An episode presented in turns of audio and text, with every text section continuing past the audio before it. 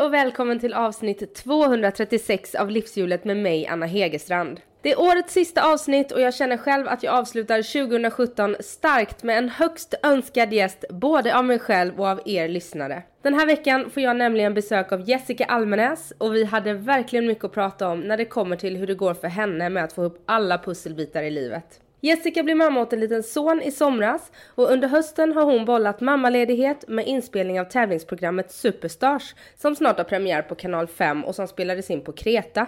Hon har också köpt hus och när vi sågs för några veckor sedan höll Jessica och hennes pojkvän Patrik som bäst på att flytta in. Och som om det inte vore nog fick Jessica avsluta det här året hoppandes på kryckor efter att ha skadat foten på basketbollplanen. Ja, du hör, det har varit en minst sagt intensiv höst för Jessica som dessutom förbereder sig för att åka till Pyeongchang och sända OS och också släpper sin nya bok Stora träningsboken för gravida den 28 december. Och boken skriver hon tillsammans med sin podcastkollega träningsprofilen Lovisa Lofsan Sandström. Både privat och karriärsmässigt rullar det på i hög takt för Jessica, men hur mycket hinner hon med sig själv? I veckans avsnitt berättar hon bland annat om hur hon gjorde för att komma tillbaka från sitt utmattningssyndrom, vilka lärdomar hon tagit med sig och hur det har påverkat hennes liv. Vi pratar också om skillnaden i att få barn i 30-årsåldern och 40-årsåldern, föräldraskapet och vad det är som gör att hon är så himla kär i sin pojkvän. Ett fullspäckat avsnitt med andra ord. Och Livshjulet distribueras av Acast och klipps av Kim Versén. Och mig når du på anna.hegerstrand.se eller om du kikar in på min Instagram där jag heter Anna Hegerstrand. Och med de orden lämnar jag nu över till Jessica Almenäs livshjul. Och så vill jag såklart önska dig ett riktigt gott nytt år så hörs vi 2018.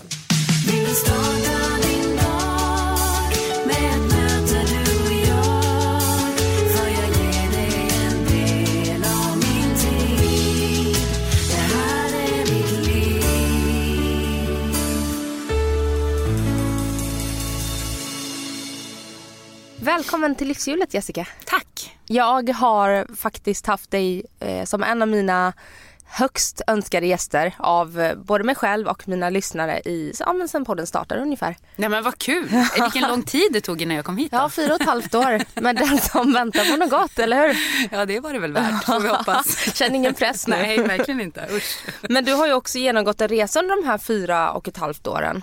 Ja, man kan ju säga att det har ju hänt ganska mycket för mig de här ja. fyra och ett halvt åren. Mm. Faktiskt. Jag har ju gått, eh, ja, mitt, mitt liv har ju ändrats totalt. Mm. Allt har ju liksom ställts på huvud känns det som. Mm. Och när vi sitter här idag då, hur, eh, hur mår du? Egentligen så mår jag bra. Alltså jag mår grundbra kan mm. man säga. Att, att det, det mesta är bra i mitt liv just nu. Vi har köpt ett hus precis. Jag har världens bästa sambo. Han är helt fantastisk. Eh, jätteduktiga, fina, snälla barn som jag älskar, avgudar att vara med. Jag har ett kanonjobb, jag jobbar precis lagom mycket och får göra roliga saker. Så att det mesta är ju på plats i mitt liv. Men, men just precis idag är det sådär. Mm -hmm. Helt ärligt. Jag har, jag har ju skadat mig när jag spelade basket eh, och hoppar på kryckor. Och det är ju inte så bra när man har en barnvagn att dra runt på och dessutom är mitt uppe i en flytt. Mm. Så att man helst ska bära saker och lyfta saker och så har jag fått en tennisarmbåge så jag kan inte lyfta. så att min stackars kille, han får slita just nu kan jag säga. Mm. Å andra sidan så fick ju du slita i nio månader och föda fram ett barn. Ja, så att nu är det hans tur. Ja men det är faktiskt sant. Och han bodde i Tyskland då när jag var gravid. Ja. Så att det var ganska tungt. Det var ju många gånger jag sa på honom att det här kom, eller jag sa till honom att det, det, här ska du få igen. När bebisen kommer ut och du har flyttat hem då får du ta lite ansvar. Ja. För att det var ganska tungt när man var jättetrött, jättegravid och, och skulle styra allt med vardagen med de stora barnen. Att det skulle funka och så. Mm. Ja men det vet jag, jag är ju gravid nu eh, och eh, jag är ju väldigt, beho eh, väldigt i behov av just det här mentala också. Man är, är lite ynklig, hur var du? Eh, ja det gick i vågor tycker jag. Ibland i perioder så var jag väldigt ynklig och väldigt trött framförallt. Jag gick och la mig samtidigt som ungarna vid åtta tiden. Jag nästan gick och väntade på att de skulle gå i säng. Typ stressade i säng dem. Men gå och lägg er nu, gå och lägg er nu. Mm. Så att jag själv skulle få gå och lägga mig klockan åtta. Helt sjukt. Och, och tyckte ändå aldrig att jag sov tillräckligt. Eh, och var i perioder också väldigt ynklig och hormonig. Mm. Väldigt så här, åh jag vill ha kärlek och grät för allting och så på tv och allt som hände runt omkring. Om någon sa någonting med lite för hård ton till mig så kunde jag börja grina. Det var mm. verkligen hormonigt. Men sen i andra perioder av graviditeten så känner jag mig superstark. Alltså som värsta eh, superkvinnan och bara gud jag måste ut och lyfta traktordäck. Så gjorde jag verkligen det. Gick mm. till utegymmet och bara lyfte traktordäck och tunga stockar och, och hade styr på allt i vardagen. Liksom bara styrde, roddade. Och, så att det, det var verkligen upp och ner. Mm. Och en sak som jag ju är väldigt imponerad över det är att det i alla fall såg ut som att du höll igång väldigt mycket eh, fysiskt under graviditeten. Ja men det gjorde jag. Jag tränade på jättemycket och en del i det ska jag faktiskt erkänna. Det var ju för att eh, Lovisa och jag höll på att skriva en bok, stora ja. träningsboken för gravida. Så att jag kände att nu måste jag ju verkligen hålla igång. Och det var lite motivation eh, för mig när, när det var som tyngst. De dagarna när jag var väldigt, väldigt trött. Eh, så släpade jag mig ofta iväg till gymmet ändå och blev ju piggare efteråt. För det är ju den effekten som träning har. Även för gravida. Mm. Även när man är gravid så ska man ju försöka lyssna in kroppen ännu mer. Och klart att säger kroppen vila då, då ska man nog försöka vila. Mm. Eh, men jag tränade på jättebra. Jag sprang till vecka 31 32 kanske. Oj, vad sa Lovisa om det? Får man det? Nej, hon var inte helt nöjd med det. hon ville att jag skulle sluta i vecka 20. Ja. Men hon sa ändå så, men, ja, men om det känns bra och du inte känner för mycket tryck neråt eh, så kan du springa på. Men, men eh, stanna så fort du känner att det liksom sträcker någonstans eller så. Så att jag var väldigt noga med det. Det blev ju mer gå än springa på slutet. Det var mer lufsa än springa. Mm. jag skulle nog inte kalla det att jag sprang men jag lufsade fram i alla fall. Snabbare än gång. Ja, ja. precis. Och um, jag, lyssnade ju, jag lyssnade ju på er podd, eh, Träningspodden. Mm. Som har funnits nu i, hur många år är det? Vi har funnits Det är över hundra avsnitt. Ja, det blir väl...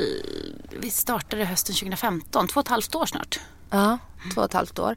Och den är väldigt motiverande för mig tycker jag. Och eh, särskilt nu så gick ju vi om varandra lite i graviditeterna. Så att eh, jag blev gravid ungefär när, när Sam föddes. Ja, okay. men, men eh, jag var ju gravid ganska nyligen också. Så att det har varit väldigt motiverande att, att följa.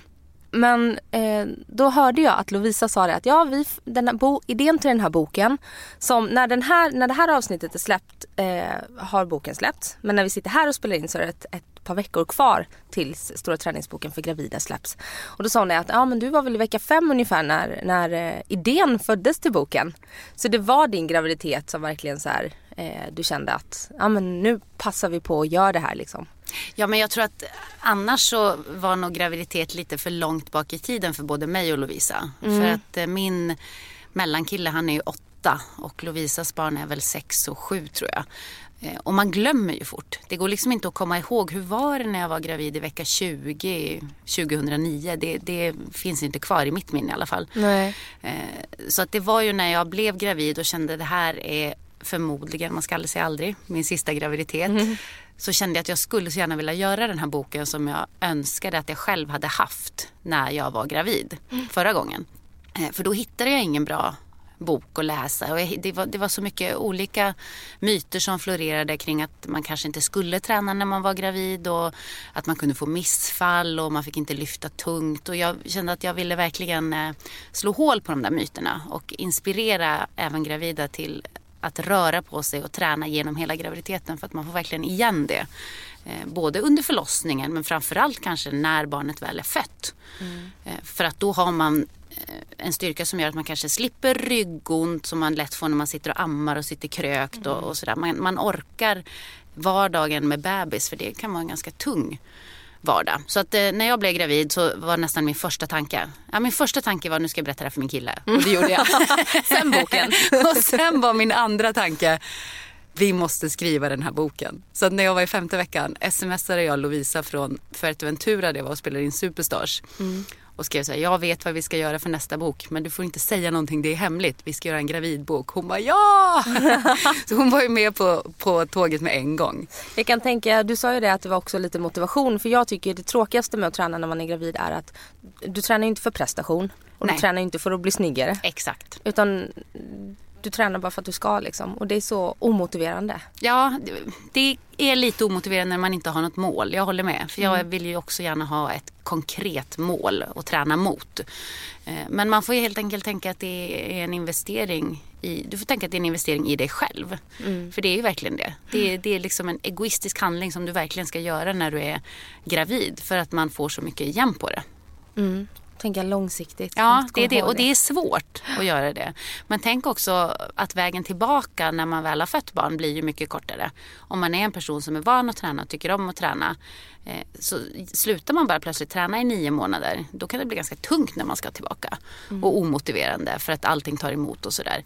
Men jag har inte alls känt så, utan det var ganska enkelt för mig att börja springa igen och, och börja träna. Jag började ju spela basket med en gång nästan och sådär. Eh, så att det kändes som att vägen tillbaka blev ju mycket, mycket kortare och kroppen känns mycket starkare. Mm. Och idag är Sam fem månader? Ja, snart. Han är fyra och en halv. Fyra och en halv. Hur, hur känner du dig i kroppen idag?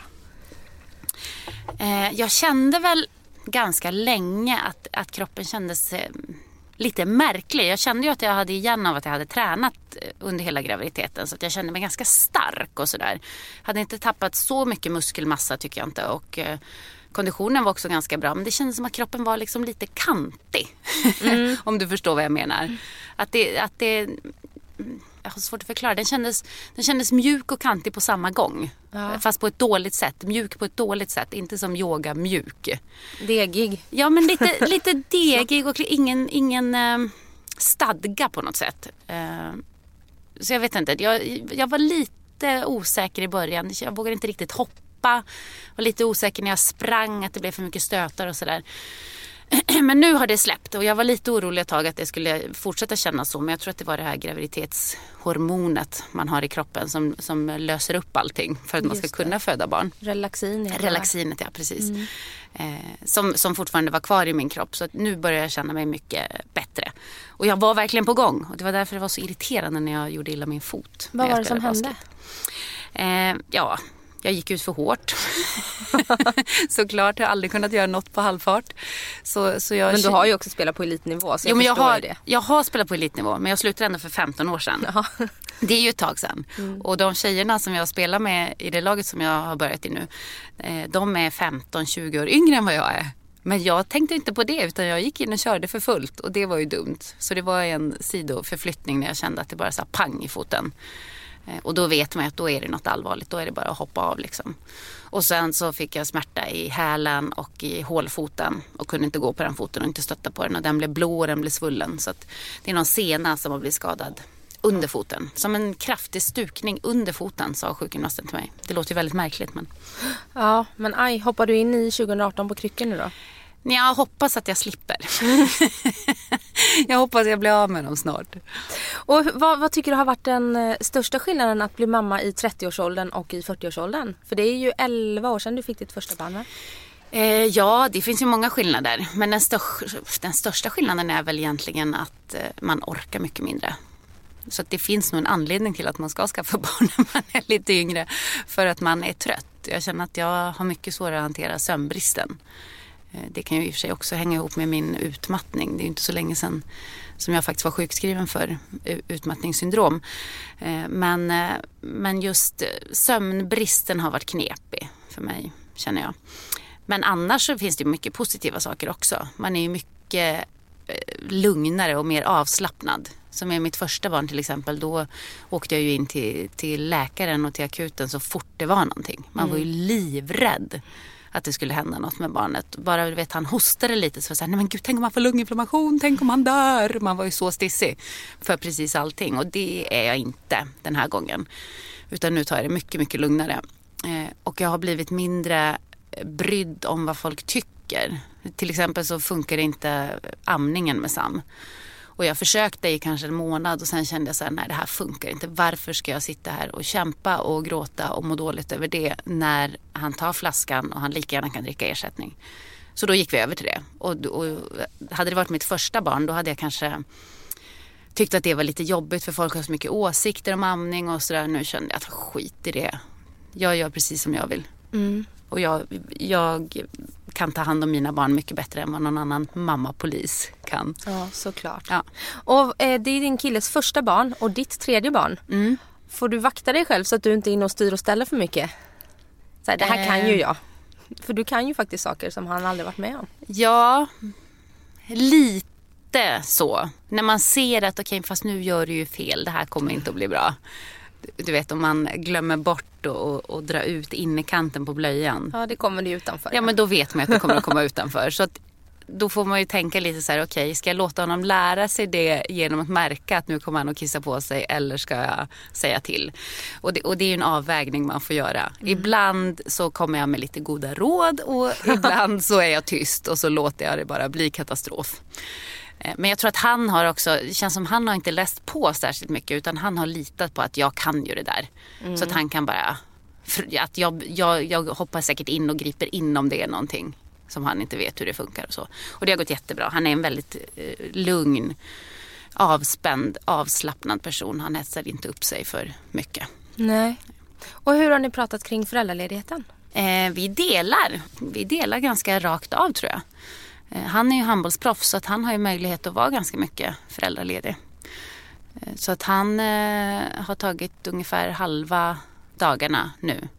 Alltså en halv dag. Inte, inte halva tiden utan halva dagar. Ja, jag förstår. Om du fattar vad jag Ja. menar. Löser av i lunch. Ja, och jag, ja, men precis. Och sen så försöker jag jobba lite grann och så kanske jag tar en halv dag. Så att vi, vi tänker att den som behöver tar ut dagar helt enkelt. Mm. Det har inte varit någon stor grej. Nej, verkligen inte. Utan det har snarare varit självklart att det ska vi dela på. Mm. Och du nämnde ju tidigare att, eh, att eh, tröttheten nu, dels för att Sam inte sover så bra men också att det kan ha med din tidigare utmattningsdepression som om man lyssnar på er podd också har fått följa med igenom för att eh, eran podd var väl egentligen det enda du gjorde under tiden du var, var sjukskriven annars. Ja, precis. Och n- när kom du tillbaka till arbetslivet från den? Hur länge sedan är det nu? Eh, Jag blev ju sjuk i september 2015. Men då hade det varit på gång väldigt länge. Så att egentligen så var jag ju sjuk innan också. Men det smällde och tog stopp i september 2015. På vilket sätt smällde det? Eh, jag hade känt av fysiska symptom eftersom jag hade gått igenom samma sak tio år tidigare. Så visste jag att nu är det någonting på gång, nu måste jag verkligen passa mig. Men det var svårt, det var svårt att bromsa livet och det är svårt att säga också till folk att vet vad, jag håller på att gå in i väggen, jag måste ta det lugnt. För det är så lätt att de ändå bara säger att ja men det här, den här lilla grejen, det tar en halvtimme, vet du, det river du bara av. Det är inte det som är saken utan det är så att man måste låta hjärnan vila. Man måste stänga av, koppla bort allting. Det spelar ingen roll om en grej tar en halvtimme eller tio minuter eller för då är hjärnan fortfarande påkopplad. Det det. Ja, och jag kan tänka i ditt jobb när det är så mycket som hänger på dig också. Ja. Om man leder ett program eller ska göra en intervju. Det är ingen annan som kan göra det. Nej, och det tar väldigt mycket energi för att man måste ge så mycket av sig själv i det jobbet. Man kan liksom inte bara gå och vara frånkopplad och bara riva av det utan man måste verkligen vara närvarande hela tiden och på tårna och eh, påkopplad och, och det var väldigt jobbigt. Eh, men, men eh, när det tog stopp var jag i en sändning när jag kände plötsligt att det började snurra. Jag gjorde en travsändning, det började snurra, det började flimra för ögonen, jag började må illa, jag började skaka. Jag kunde inte riktigt läsa siffrorna som stod på skärmen. Jag skulle läsa resultat och utdelningar och sådär. Och jag fattade inte vad som stod. Jag såg liksom siffror som stod där men jag tänkte vad, vad betyder de här siffrorna? Vad, vad blir det? Jag, jag kunde liksom inte... Så att experten fick ju kliva in och, och, och läsa och tänkte att hon är väl lite trött eller ja. Vi hade nog gjort en ganska lång sändning. Men sen när sändningen var slut då la jag mig bara ner på golvet och eh, hyperventilerade och skakade och sa bara jag mår inte bra. Och de bara, men du kanske har blodsockerfall eller något. Ja, jag vet inte, men jag måste hem. Och sen satt jag och skakade hela kvällen. Fick ställa in Nyhetsmorgon nästa dag, kunde inte gå till jobbet. Men veckan efter tänkte jag, men jag går i alla fall och jobbar.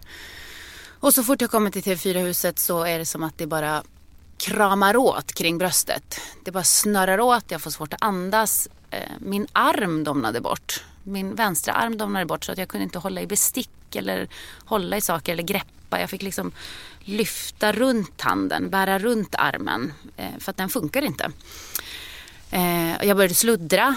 Ehm, kunde inte fokusera. Jag satt och skulle läsa, läsa rek till Nyhetsmorgon och läste samma mening om och om, om igen. Och läste samma mening i tre timmar, kom inte vidare liksom. Eh, så till slut så, så sa en av mina chefer så här, men gud tänk om du har fått en stroke, du måste åka till en läkare. Mm. Så jag åkte till en läkare som tittade på mig, frågade om lite symptom och sa du har utmattningssyndrom och du är sjukskriven från och med nu. Du kan inte gå tillbaka till jobbet. Och när jag gick ut från läkaren så började jag storböla.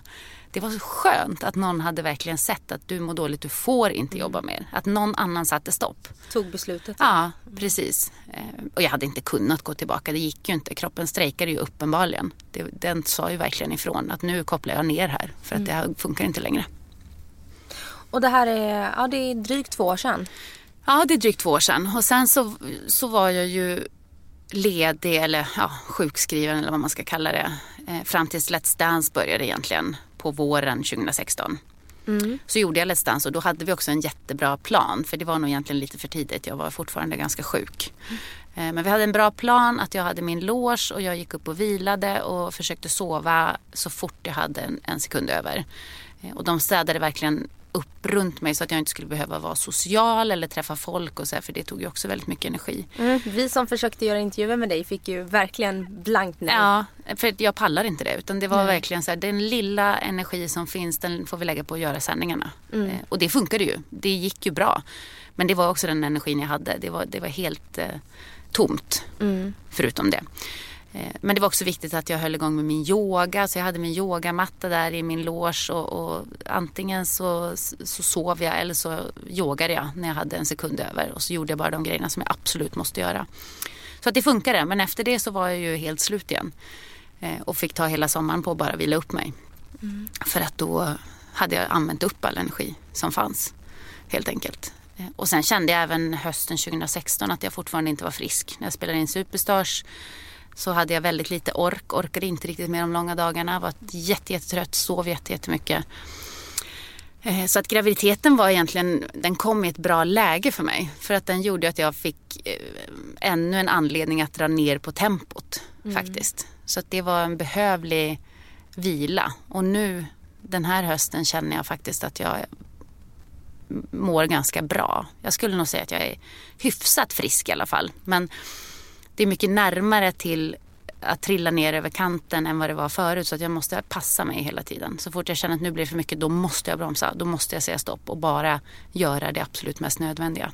Känner du att de som du har runt omkring dig, både i jobbet och privat, respekterar det? Alltså jag tror att det är svårt för folk att förstå om man inte har varit med om det här själv. Så tror jag att i den akuta sjukdomsfasen då fattar ju alla. För att kroppen la ju av. Jag var jättesjuk. Jag kunde inte göra någonting. Eh, och då, då möttes jag väldigt mycket förståelse. Att jag inte kunde göra saker, att jag inte kunde vara med på sociala grejer och sådär. Men nu så tror jag att folk lite grann har glömt bort det. För att jag ser ju inte sjuk ut längre. Jag verkar inte vara sjuk, jag verkar vara mig själv. Mm. Men jag känner själv att eh, min energi tar slut väldigt, väldigt mycket snabbare. Och jag måste vara väldigt rädd om den. Och det tror jag att folk kanske inte alltid förstår. Varken hemma eller på jobbet. Så att jag är ganska noga med att säga men du vet att jag är inte riktigt frisk. Både mm. på jobbet och hemma. Jag är inte riktigt frisk. Jag klarar inte av det här. Jag har inte energi till det här. Eh, och påpekar det hela tiden. Sen får de tycka att jag är hur jobbig som helst. Men, men jag måste skydda mig själv på det sättet.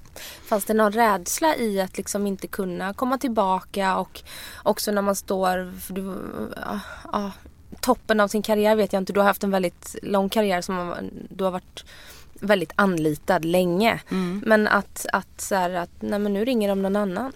Eller nu får jag inte komma tillbaka. Ja, det fanns en stor rädsla faktiskt. Jag var, var jätteorolig för det. Dels för att när jag var sjuk så kände jag så här, jag kan inte mitt jobb längre. Jag Nej. vet inte hur man gör när man är programledare.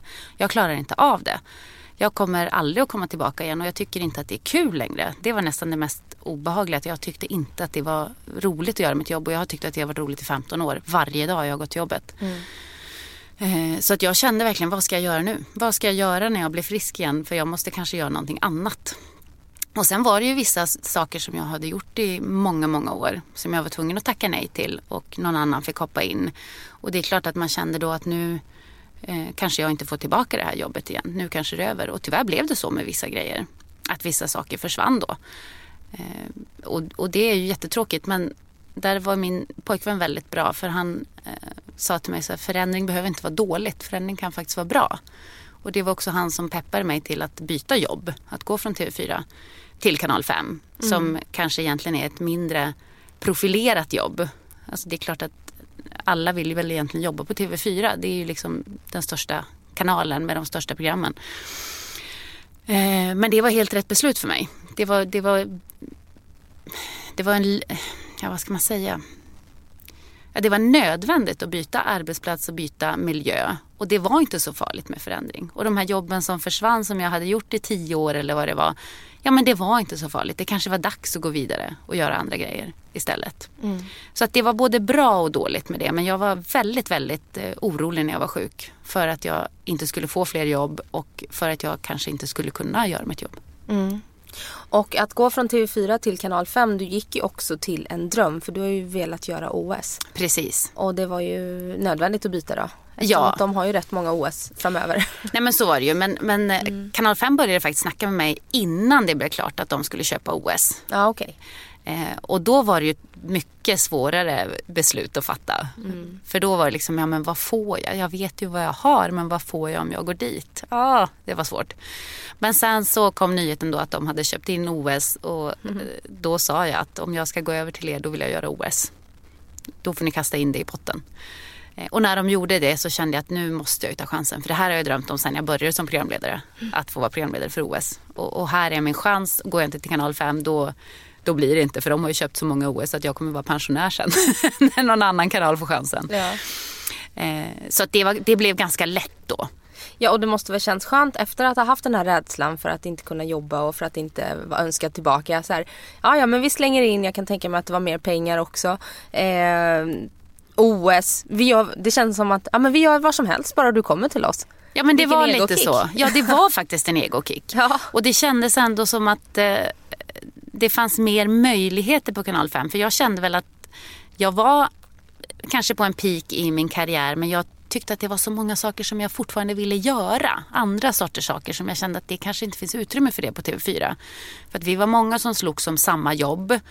Eh, och TV4 är en så pass stor kanal att man chansar inte lika mycket. Nej. På kanal 5 kan man komma med en tokig idé och säga jag skulle verkligen vilja göra det här. Och de är öppna för att eh, ändå testa. Mm. Ja, vad fan, vi kör på det.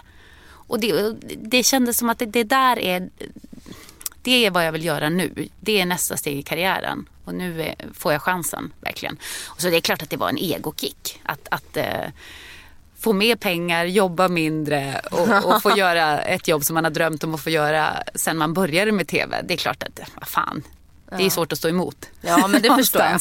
Samtidigt som jag förstår att det är läskigt för du hade ju ändå, jag menar som Let's Dance, det måste ju vara kanske Sveriges mest kända program efter eh, Melodifestivalen. Ja. Och du var ju programledare för det. Ja, och det var ju många som eh, jag fick väldigt många kommentarer när det här kom ut och många sa ju så här, gud vad du är modig, men gud, att du vågar, att du vågar hoppa av Let's Dance, wow liksom. Eh, och det är klart att det var ju ett modigt beslut. Men samtidigt så hade jag gjort Let's Dance i tio år. Ja, check. Ja, lite. ja men lite så. Jag hade gjort det, jag kunde det jobbet. Det var fantastiskt roligt. Och det är en fantastisk egokick att ha två miljoner som tittar på en varje vecka. Eh, och göra ett program som det skrivs om och pratas om överallt. Det är en egokick, men jag kunde det. Jag kände att jag behöver utmana mig själv och göra andra grejer. Mm. Och då kanske jag måste lämna det här bakom mig. Och så ska man öppna nya dörrar så måste man stänga vissa. Så är det. Så det var modigt och det var risky att hoppa av ett sånt jobb. Men eh, jag tror att det blev rätt faktiskt. Mm. Och nu så eh, i vår då så är du aktuell med Superstars också. Ja, precis. Som inspelat på Kreta. Ja. Ja, under hösten. Under hösten ja. Med bebis. Med bebis. ja det var också en utmaning. Fast det, var, det gick rätt bra. Jag hade med mig en tjej som passade honom. Mm. Så att de var hemma på hotellet på dagarna när vi var borta och spelade in. Och sen så tog jag över bebisen då på kvällarna när vi kom tillbaka. Det var rätt skönt. Det var som en skyddad verksamhet på något sätt. Mm, jag förstår det. Dagarna bara flöt på. Man behövde inte städa själv. Man behövde inte laga mat. Jag blev servad hela tiden. Mm, och så varmt och skönt. och så var det varmt och skönt. Och det var kul att jobba. Det kändes ju det var ju nästan det bästa med att åka iväg. Att det kändes kul att jobba igen. Jag var sugen, jag hade idéer, jag ville jobba mer. Jag, jag, jag verkligen kände suget igen och det hade jag längtat efter. Och det funkade bra att ha med sig bebisen. Så det, jag tror att det kommer bli jättebra Superstars. Det hände massa grejer också som kommer att bli dramatiskt för tittarna. Mm. vad kul. Ja, jätteroligt. Och så mitt i allt nu så har ju ni gått och köpt ett hus. Precis. I, i Bromma vad jag förstått. Ja, precis. Ja, så du flyttar från Kungsholmen till Bromma. Ja, det är Och roligt. Är det en dröm som har gått i uppfyllelse nu att flytta till hus? Är du en husmänniska? Jag är uppväxt i hus. Så att eh, jag vet ju hur härligt det är att vara barn och bo i hus. Ja. Men jag har ändå tänkt att jag är en storstadsmänniska. Jag ska bo i lägenhet i stan. Och det pratade jag och, och min kille Patrik om när vi träffades. Så här, Skulle du vilja bo i lägenhet eller hus? Och jag var hela tiden så här, nej jag ska bo i lägenhet. Så om du flyttar till Stockholm, vi får köpa en större lägenhet helt enkelt. För att jag flyttar inte ut från stan. För han är inte från Stockholm? Han är från Göteborg, eller Just från det. Partille. Just Mm. det. Mm. Men han är också van och han är uppväxt i, i radhus och sådär. Så att han är också van vid det. Men jag tror att vi, han var på samma spår. Nej men lägenhet det blir bra. Så vi vill ha nära till stan, till restauranger och sånt. Vi gillar att socialisera. Men sen när jag blev gravid så började vi snacka om det här och då växte det ändå på. Så här, vi ska nog ändå bo i hus. Och började kolla på hus. Jag tror vi kollade på 30 hus innan vi hittade ett vi hade råd att köpa. Det tar ju också Som vi också gillade. Ja, marknaden. Ja, marknaden var ju helt hopplös. Nu har det ju svängt men när vi tittade så var det ju helt galet. Alltså budgivningarna drog iväg och husen gick upp fyra miljoner liksom från utgångsbud. Så att, särskilt i Bromma vet man ju att Ja. husen stiger mycket med. precis, så eh, när vi väl hittade ett hus att köpa så slog vi till. Och nu känns det bra. Det känns lite läskigt att lämna Kungsholmen. Men det känns också det känns som ett nytt kapitel i livet faktiskt. Det känns väldigt spännande. Och eh, berätta om huset då. Vad är det? Är det ett sånt där renoveringsobjekt eller är det ett färdigt så ni slipper göra någonting? Nej, det är faktiskt färdigt. Vi flyttar skönt. bara rätt in. Ja, det vi ska göra är att vi ska bygga en walk-in closet. För det har varit min dröm. Så det sa jag när vi kollade på hus. Mitt enda krav är att jag får en walk-in closet. Ja, I stan kostar ju en walk-in closet så här, eh, 300 000. ja men precis, det är ju ett ex- extra rum att betala för. Ja. Eh, Så att det ska vi bygga. Men annars behöver vi faktiskt inte göra någonting. Utan det är bara att flytta rätt in. Och det kändes ändå som att eh, det var, det var det rätta. Eftersom vi har en bebis och så. Man orkar inte hålla på att renovera i ett halvår då innan man får flytta in. Eh, Så att det är ett, eh, ett vanligt fint hus med fyra sovrum på övre våningen. Och det var också det vi ville ha. Det är inte så lätt att hitta. Ett hus med fyra sovrum på samma våningsplan. Eh, Så att det är perfekt planerat för oss. En liten trädgård, lagom stor trädgård med lite fruktträd. Och jag har bestämt mig för att jag ska börja odla små saker. Morötter, jordgubbar, lite sånt. Vi får se hur det går med det. Ja. Men det är i alla fall min plan.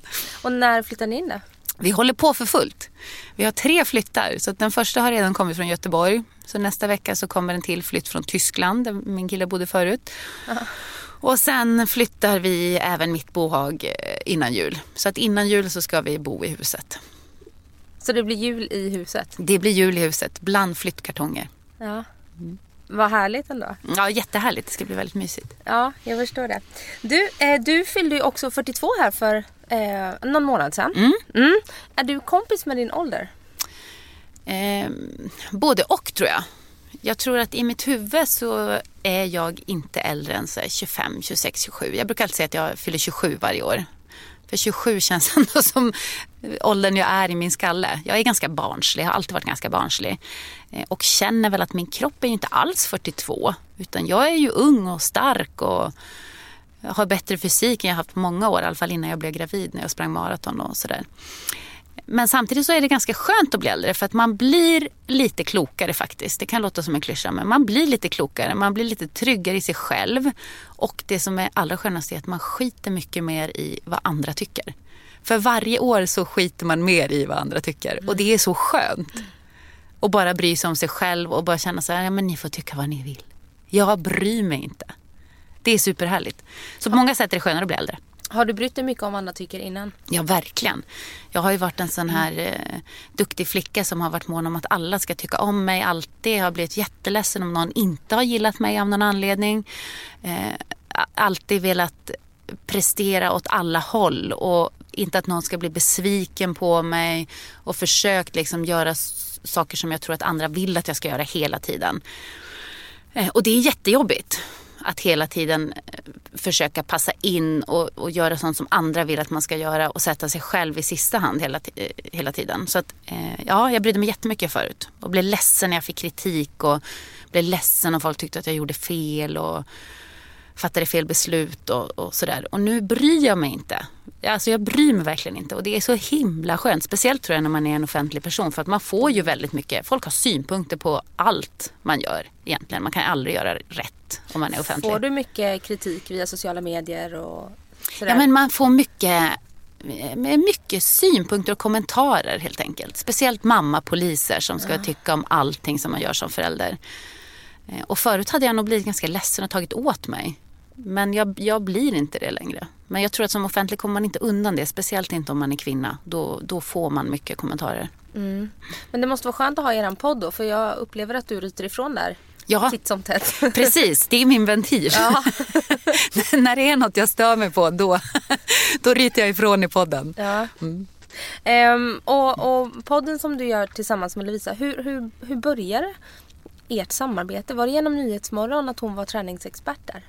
Precis. Lovisa var ju våran PT i Nyhetsmorgon söndag som jag jobbade med då. Mm. Och vi funkade väldigt bra ihop. Jag gillade Lovisa för att hon var alltid förberedd när hon kom. Hon var driven och hon gick mm. genom rutan. Hon hade ett sätt att prata på som gjorde att eh, folk lyssnade och folk gillade henne. Mm. Eh, och, och vårt samarbete var liksom, det funkade perfekt från början. Så att, det var ju hon som frågade mig om om vi skulle skriva en löparbok ihop. Och jag hade ju velat skriva en löparbok länge men känt att ah, jag har inte riktigt tiden till det. Mm. Och det blir ett alldeles för stort projekt. Så att när hon kom och sa vi gör det tillsammans så hoppade jag på direkt och tänkte det här är perfekt, vad kul. Mm. Eh, och så började det och sen eh, utvecklade vi det med en podd och, och fler böcker och sådär. Så att nu tycker jag att vi har ett väldigt bra samarbete. För vi är ju väldigt olika och det tror jag att folk gillar. Ja, är ni det? Ja, vi är väldigt olika. Lovisa är ju väldigt... Eh, hon, hon är ju ganska ordentlig.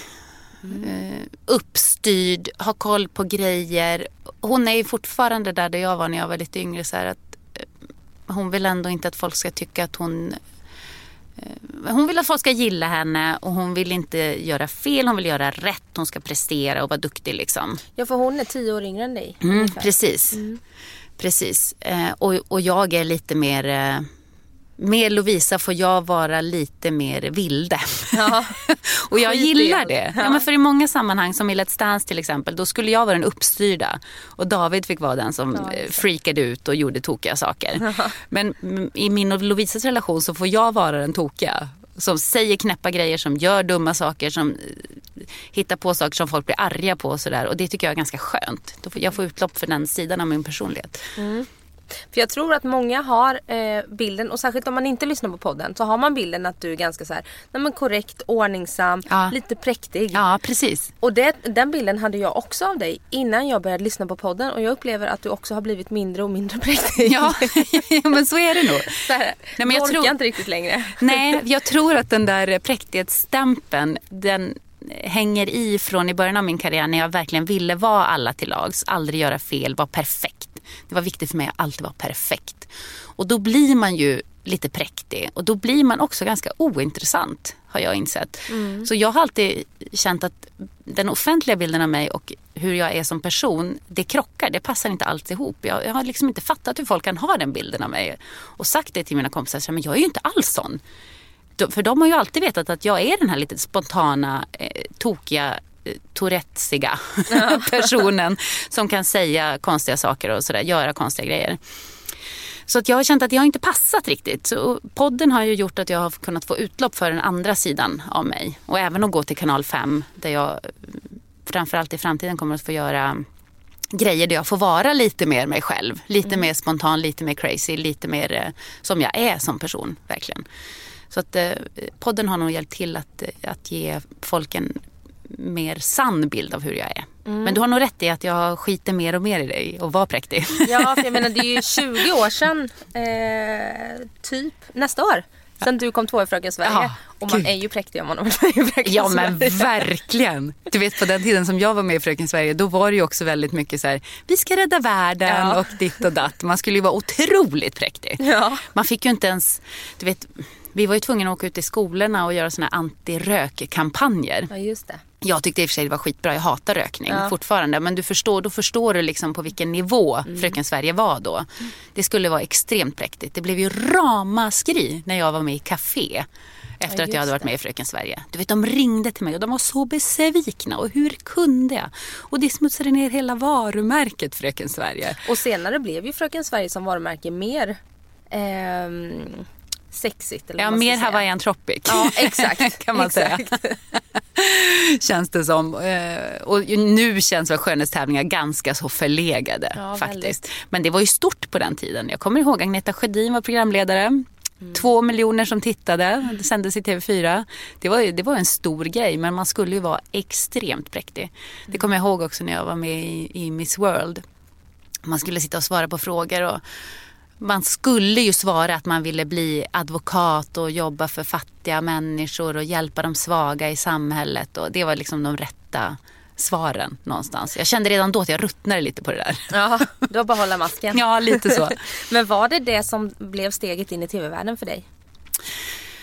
Eh, Nja, jo på sätt och vis var det faktiskt det. Därför att det var ju en gammal klasskompis till mig från Östersund eh, som hade sett mig i Fröken Sverige och tänkte att eh, man, hon har något, hon går ändå genom rutan. Eh, och sen så startade han tillsammans med sin brorsa produktionsbolag i Stockholm och de började göra travsändningarna och mm. behövde en kvinnlig programledare. Så då ringde han mig på vinst och förlust och sa bara jag såg dig i Fröken Sverige, eh, kan inte du komma och, och testa för att bli programledare för våra travsändningar? Och jag var så här, men jag kan inget om trav. De nej men du kan lära dig. Hur svårt kan det vara liksom? Det sätter du in i jättefort. Ja, ja, så jag testade Fick jobbet, hoppade av skolan. Sån är jag, spontan. Mm. Tänkte jag provar. och eh, satte mig in i travvärlden, började plugga som en dåre. Kollade på gamla sändningar på videoband, satt och läste gamla travtidningar för att lära mig alla termer, vilka alla var. Jag lärde mig precis allt om trav. Det tog ett tag, men, men eh, det gjorde jag. Så att det var travet egentligen som var min första mitt första tv-jobb och det var ju det som, som gjorde att jag sen tog steget till först Fotbollsgalan och sen fick jag chansen att, att vara programledare i Nyhetsmorgon. Och då var det ju liksom igång kan man säga. Och nu så har, känner du att du har fått tillbaka glädjen för, för tv och sådär. Är det det du vill göra framöver eller vad, vad tänker du ditt resterande yrkesliv, kommande 25 år? Ja, men jag tänkte när jag blev sjuk, om jag inte kan komma tillbaka till mitt tv-jobb, vad ska jag göra då? Vad kan jag ens? Vad vill jag göra? Och jag, jag fick inga idéer. Jag tänkte det här är ju mitt liv, det här brinner jag ju för. Eh, så att det var väldigt obehagligt att tänka att jag kanske måste skaffa mig en ny karriär. Men nu när jag är tillbaka på jobbet och känner att eh, det här är skitkul. Jag älskar det här verkligen så mycket. Jag är, jag är lycklig, lyckligt lottad som faktiskt får ha ett jobb som jag älskar och tycker är roligt att gå till. Det har inte alla. Eh, så att jag kommer nog fortsätta med TV. Så länge folk vill ha mig i rutan. Mm. så länge jag får vara där. Det är ju inte så lätt när man blir äldre som kvinna. Det finns ju inte utrymme för allt för många äldre kvinnor i TV-rutan. Nej, precis. Hur känner du inför det?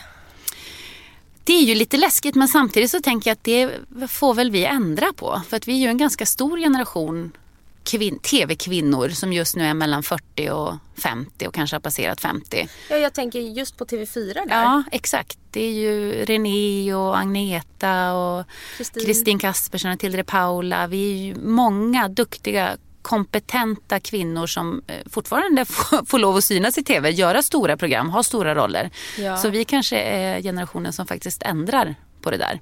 Mm. Och, och ser till att även äldre kvinnor får ta plats i tv-rutan. Mm. Du känner ingen eh, ålders eh, så här, eh, hets eller vad man ska säga just utseendemässigt och hela den biten? Alltså det är klart att när man har ett jobb där man ska synas hela tiden och också helst ska se snygg ut, för så är det ju med TV, det går inte att komma ifrån, så, så är det ju någonting som man tänker på. Mm. Det ska jag inte sticka under stol med, det gör man absolut. Mitt jobb handlar ju också delvis om att faktiskt se snygg ut. Mm. Eh, så att det är ju Ja, jag funderar lite grann på det, gör jag. Ännu har jag inte kommit till en punkt där jag känner mig superstressad över det faktiskt. Men äh, det, det, det är ändå något som rör sig i huvudet, det gör det. Absolut. Mm. Hur var det efter graviditeten? För jag minns när jag pratade med Anna Brolin mm. som började göra Biggest Loser bara så sex veckor efter hon fick sin son. Mm. Hon ringde sin stylist och sa hjälp, jag kommer inte i ett enda plagg. Ja. Hur, hur, var det för dig? För du åkte till Kreta ganska tätt inpå. Nej, men det var ju samma för mig. Det var ju panik. Och det, just det här är så tråkigt. Och för folk så framstår det ju som att man utseende hetsar för att eh, man känner någon, ja jag måste vara smal och sådär. Jag är inte snygg om jag inte är smal. Det handlar ju mer om att i vårt jobb så lånar vi väldigt mycket kläder. Man lånar väldigt mycket provkollektion. Och provkollektion är storlek 36-38, oftast 36. Och kommer man inte i det så Vilket har man liksom inget att ha på sjukt. sig. Ja det är också helt För sjukt. att då är ju alla som syns i rutan en storlek 36. Ja, och så är det faktiskt idag. Mm. I princip. Det finns några få undantag men det är inte många.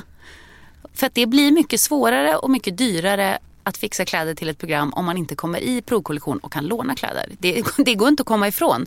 Så att det är en realitet för oss kvinnor som jobbar med TV. Tyvärr. Jag tycker att det är supersjukt. Kanske värt att lägga lite mer pengar och handla kläder från kedjorna eller någonting. Ja, Och lyfta fram ja men faktiskt. För det är också väldigt andra. tråkigt när man ska prova kläder inför ett program och allting är för litet. Man står på en provning och bara känner att jag kan inte stänga någonting.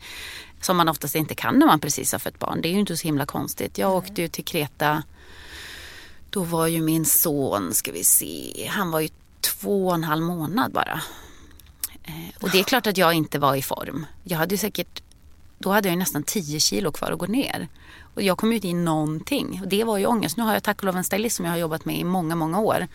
Sara Biderman som kan min kropp och kan klä mig även när jag är lite större. Så att hon hittade ju saker till mig som såg snygga ut fast jag själv inte kände mig speciellt fin. För jag kom ju inte i mina egna kläder och det är ju lite ångest när man inte kan stänga jeansen. Man får inte ens upp dem över rumpan liksom. Nej.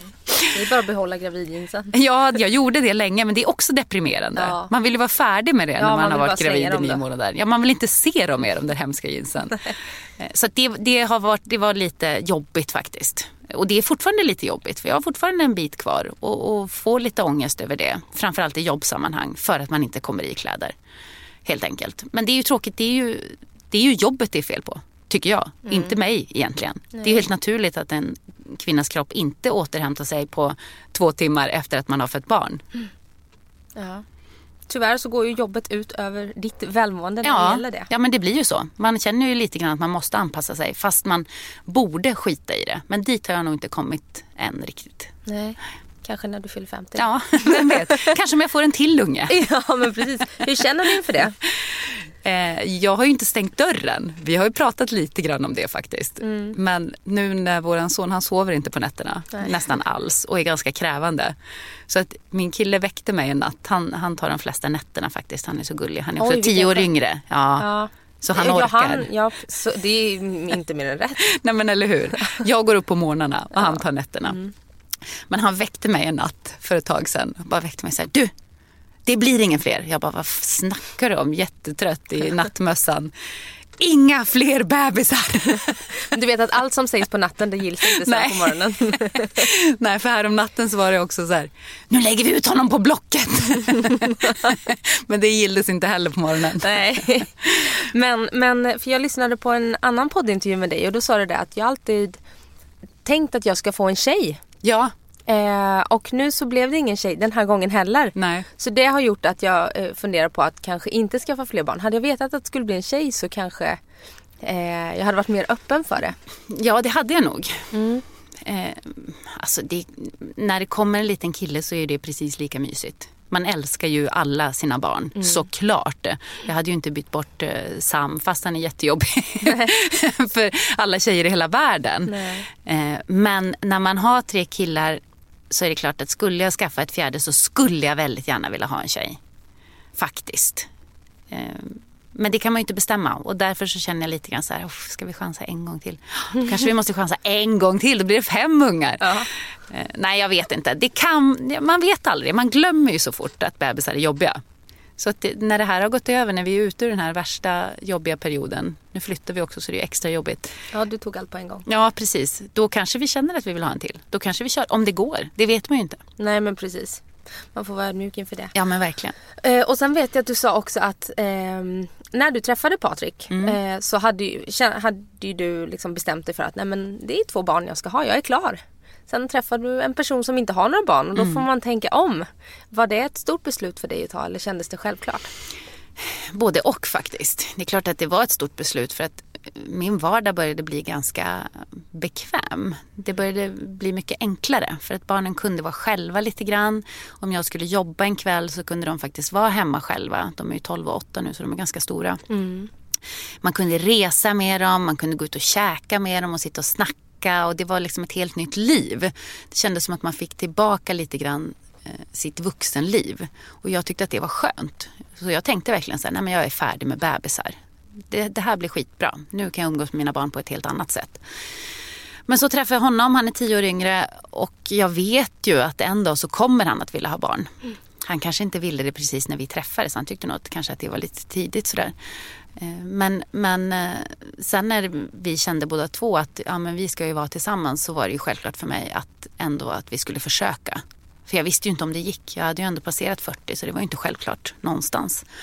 Men att vi skulle försöka för hans skull. För jag vill inte förvägra honom att få ett eget barn. Och det skulle också kunna bli en grej som, som skulle bli jättejobbig för oss i vår relation längre fram. Om han kände att jag vill verkligen, verkligen ha ett eget barn. Mm. Så att det var egentligen inget svårt beslut när det kom till kritan. För vi hade bestämt oss att vi ville leva tillsammans. Mm. Vill du gifta dig? Absolut. Ja, det vill jag.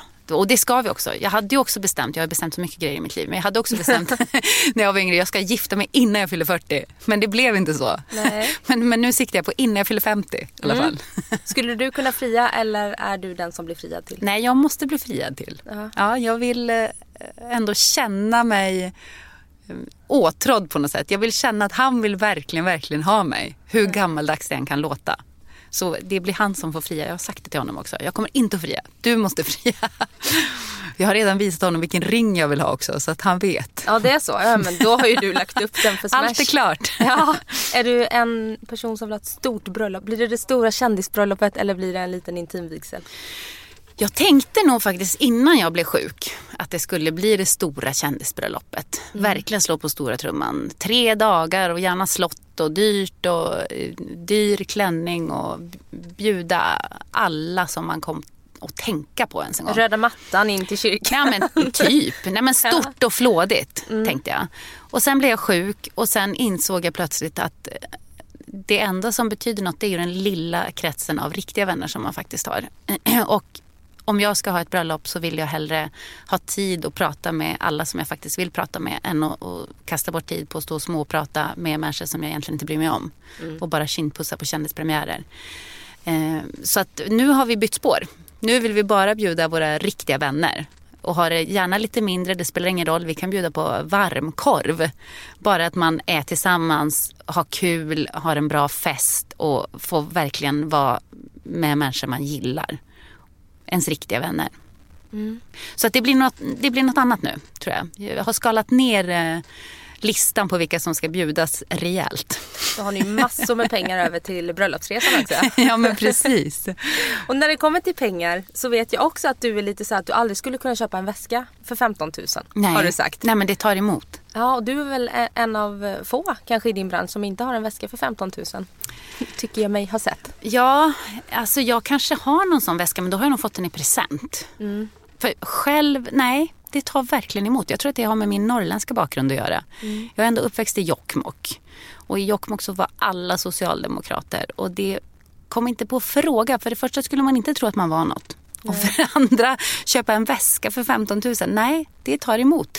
Plus att vi var inte heller så här, vi var inte fattiga men vi var inte superrika heller när jag växte upp. Utan Ville man ha en dyrare present då fick man önska sig det. Och det var inte säkert man fick det när man fyllde år. Det var inte säkert man fick det i julklapp. Jag tror det var ett par ridbyxor, ett par helskodda ridbyxor jag ville ha som jag önskade mig i tre år tror jag innan jag fick. Mm. Och nu kan jag köpa allt jag vill ha själv. Om jag vill köpa ett par helskodda ridbyxor då kan jag köpa fem par med en mm. gång om jag vill. Eh, men det, det, är något som ändå sitter kvar i mig. Så här, man ska inte slösa på massa onödiga saker. Det skulle ta emot så mycket och lägga fram kreditkortet och betala 15 000 för en väska. Nej, jag kan inte med. Nej. Vad, vad unnar du dig om du känner så att nu ska jag verkligen unna mig någonting? Jag är ganska bra på att unna mig eh, när det gäller mat och dryck. Ja. Jag älskar att unna mig och gå på bra restauranger, äter gärna hummer, gåslever, dyr mat och jag dricker alltid champagne. Alltså riktig champagne. Mm. Inga fejkbubblor. Så där unnar jag mig verkligen. Där kan jag verkligen tänka mig att vara lite slösaktig. Hellre 15 000 på en middag än på en väska. Ja men nästan faktiskt. Ja. Hellre på en upplevelse. Jag reser ju mycket också. Ja. Älskar att resa och lägger jättegärna pengar på att resa. Det tycker jag är värt för det, det är ju ändå något bestående som man har med sig hela livet. En väska kanske jag tröttnar på efter ett år. Då står 15 000 där och skräpar i skåpet. Mm. Eh, och sen så lägger jag också faktiskt gärna pengar på hotell. Jag tycker om att, att bo fint. Och då behöver vi inte prata gammellyx. Men jag gillar så här design, hotell, eh, coola upplevelser helt enkelt. Även när det gäller boende. Mm. Och vad betyder pengar? Är det viktigt att eh, tjäna mycket pengar? Ja, det är det faktiskt. Jag har alltid haft den drivkraften att göra det just för att jag har inte fått så mycket hemifrån. Jag flyttade också hemifrån när jag var 15 så att jag blev ju vuxen ganska tidigt och, och lärde mig ganska tidigt att eh, göra en budget, hålla i pengarna, bara använda de pengarna man har. Så att jag kan överleva på väldigt lite pengar. Men jag kan också spendera väldigt mycket pengar om jag har dem. Mm. Men för mig har det alltid varit viktigt att tjäna mina egna pengar, stå på mina egna fötter, klara mig själv vad som än händer. Så att jag har ju aldrig i mitt liv varit beroende av en partner. Aldrig blivit försörjd. Jag har alltid varit mån om att betala mina egna grejer för att inte stå i någon slags skuld till någon. Eh, och, och, ja, det har varit viktigt för mig. Jag kommer ihåg faktiskt än idag den dagen mitt företag hade dragit in en miljon. Mm. Och jag satt och tittade på det här kontoutdraget så länge och var så lycklig så tårarna bara sprutade. Jag har tjänat en miljon. Ja. Jag har, nu har jag kommit någon vart i livet. Jag har gjort det jag ville när jag var liten. Att jag bestämde mig för att jag ska tjäna mina egna pengar. Jag ska klara mig själv. Det ska gå bra för mig. Så det var en, det var en viktig milstolpe. Så att ja, det har varit viktigt för mig alltid att tjäna pengar. Gör det själv. Är du intresserad av eh, förvaltningsbiten också? Verkligen inte. Och aktier och pension? Jag är värdelös. Helt värdelös. Du vet, min kille är intresserad av sånt. Ja, men det är ju bra då. Ja, så att när vi blev tillsammans, han höll ju på att dö när han fick höra att jag inte ens hade förvaltat mina pengar utan allt bara satt på ett konto i banken. Han bara, men du har inte ens en, du har ingen ränta där. Nej. Pengarna sitter ju bara där. Ja. Du förlorar 2 per år. Men jag förlorar ju inget i alla fall, sa jag. Han bara, jo det gör du. Inflation. ja, precis. Så han blev ju tokig på mig. Men nu har han styrt upp mitt liv. På alla sätt och vis faktiskt. Ja. Även ekonomiskt. Ja, perfekt. Och som min sista fråga måste jag bara fråga. Vad, vad eh, var det som gjorde att du föll för din kille? Eh, vad är viktigt för dig i en relation? För att han är väldigt annorlunda från alla killar som jag har varit ihop med innan. Han är en helt annan typ. Jag tror att jag har sökt mig lite grann till eh, sån som jag är själv. Lite drama, känslomänniskor, stora mm. känslor, stor passion. Ja. Eh, och det krockar ofta när man är två såna. Så att min kille han är lugn, han är trygg, han är stabil. Men han är ändå rolig att vara med. Han är supersocial, han är smart. Men han har en, och det här har jag insett att det här är det viktigaste med en relation. Han har en moralisk kompass. Mm. Eh, han, han, skulle aldrig vara elak mot mig, han skulle aldrig såra mig, han skulle inte ljuga. Han gör det som är rätt. Han skulle inte, han skulle inte göra saker som är fel. Liksom. Och han är snäll.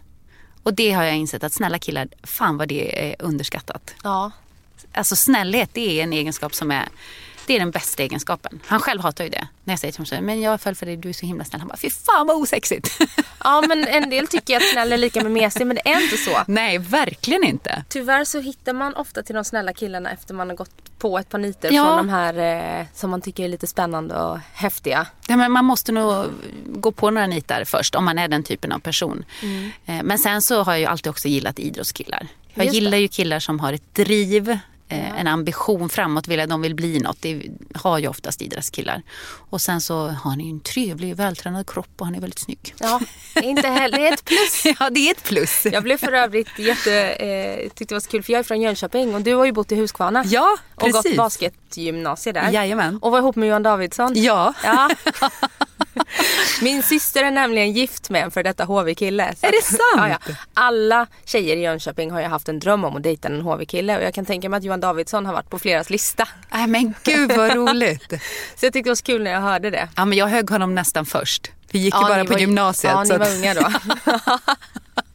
Men det var där min bana med idrottskillar började. Ja, det var han som liksom la ribban. För Han la ribban. Ja, det känns bra att höra. Jönköpingskillar är de bästa. Ja, precis. Jessica, tack snälla för att du kom hit och gästade Livshjulet. Tack själv, vad jättekul. Och lycka till med allting nu. Det är OS-sändningar, det är eh, eh, Stora träningsboken för gravida, det är Superstars, nytt hus. Ja, det är inga mycket. kryckor snart. Ja, precis. Och så hoppas jag verkligen att bebisen börjar sova på nätterna. Ah, tack snälla. Och lycka till med din graviditet och förlossningen. Ja, tack. Jag är inte rädd den här gången så att det känns bra. Ja, vad skönt, det kommer gå jättebra. Ha det bra nu. Tack, tack. Hej då!